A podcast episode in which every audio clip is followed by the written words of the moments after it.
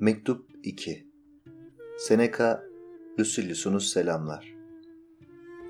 Bana yazdıklarına, kulağıma gelenlere bakarak senin için haklı bir umuda kapılıyorum. Bir oraya bir buraya koşmuyorsun. Bir sürü yer değiştirerek huzursuz olmuyorsun. Bu çırpınışlar hasta bir ruha göredir. Olgun, dengeli bir ruhun ilk belirtisi bence bir yerde duraklaması, kendi kendisiyle kalabilmesidir.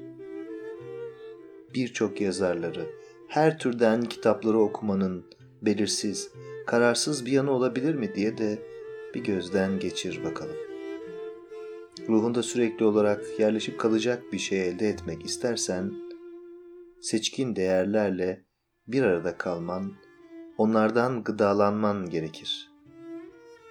Her yerde olan hiçbir yerde değildir. Yaşamını kona göçe göçüren insanın şu gelir başına. Birçok konukluğu olur ama hiçbir dostluğu olmaz. Aynı durum ister istemez hiçbir yazarın kişiliğiyle yakın bir bağ kuramayan, her şeyin önünden koşar gibi geçip giden insanların başına da gelir. Yenir yenmez çıkarılan yemek ne faydalıdır ne de bedene yayılır sağlık için sık sık ilaç değiştirmekten daha zararlı bir şey yoktur. Birçok ilaç denendi mi yara kabuk tutmaz. Durmadan yeri değiştirilen bitki serpilmez. Hiçbir şeyde konup geçerken faydalı olacak kadar büyük bir yarar bulunmaz. Birçok kitap yorar insanı. Madem elindeki kitapların hepsini okuyamıyorsun, okuduğun kadarını elinde bulundurman yeter.'' Ama ben diyorsun bir bunu, bir şunu açıp okumak istiyorum. Birçok yemeğin tadına bakmak mızmız bir mideye göredir. Yediklerin çeşitli değişik gıdalarsa beslemez, bozar mideyi sadece. O halde denenmiş yazarları oku hep.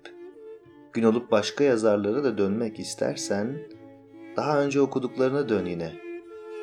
Her gün fukaralığa karşı, ölüme karşı, başka felaketlere karşı bir destek sağla kendine. Birçok kitabı gözden geçirdikten sonra da içlerinden bir fikir seç, o gün bu fikirle birlikte kavrul. Ben de öyle yapıyorum. Her seferinde okuduklarımdan bir tanesini yakalıyorum. Bugün Epikür'de bulduğum fikir de şu. Ben bir kaçak gibi değil de bir keşif eri gibi sık sık başkalarının karargahlarına da geçerim.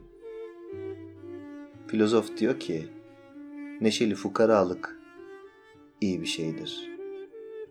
Neşeli ise o fukaralık, fukaralık olmaz ki zaten. Çünkü çok az şey olan değil, hep daha çoğunu isteyen fukaradır aslında. İnsan başkasının malına göz dikerse, elindekileri değil, elde edeceklerini hesap eder durursa, hazinesinde ambarlarında yığın yığın malı olmuş, sürüleri, faiz getiren parası olmuş neye yarar? Zenginliğin sınırı nedir diye mi soruyorsun? Önce gerekli olana, sonra yeteri kadarına sahip olmak. Sağlıkla kal.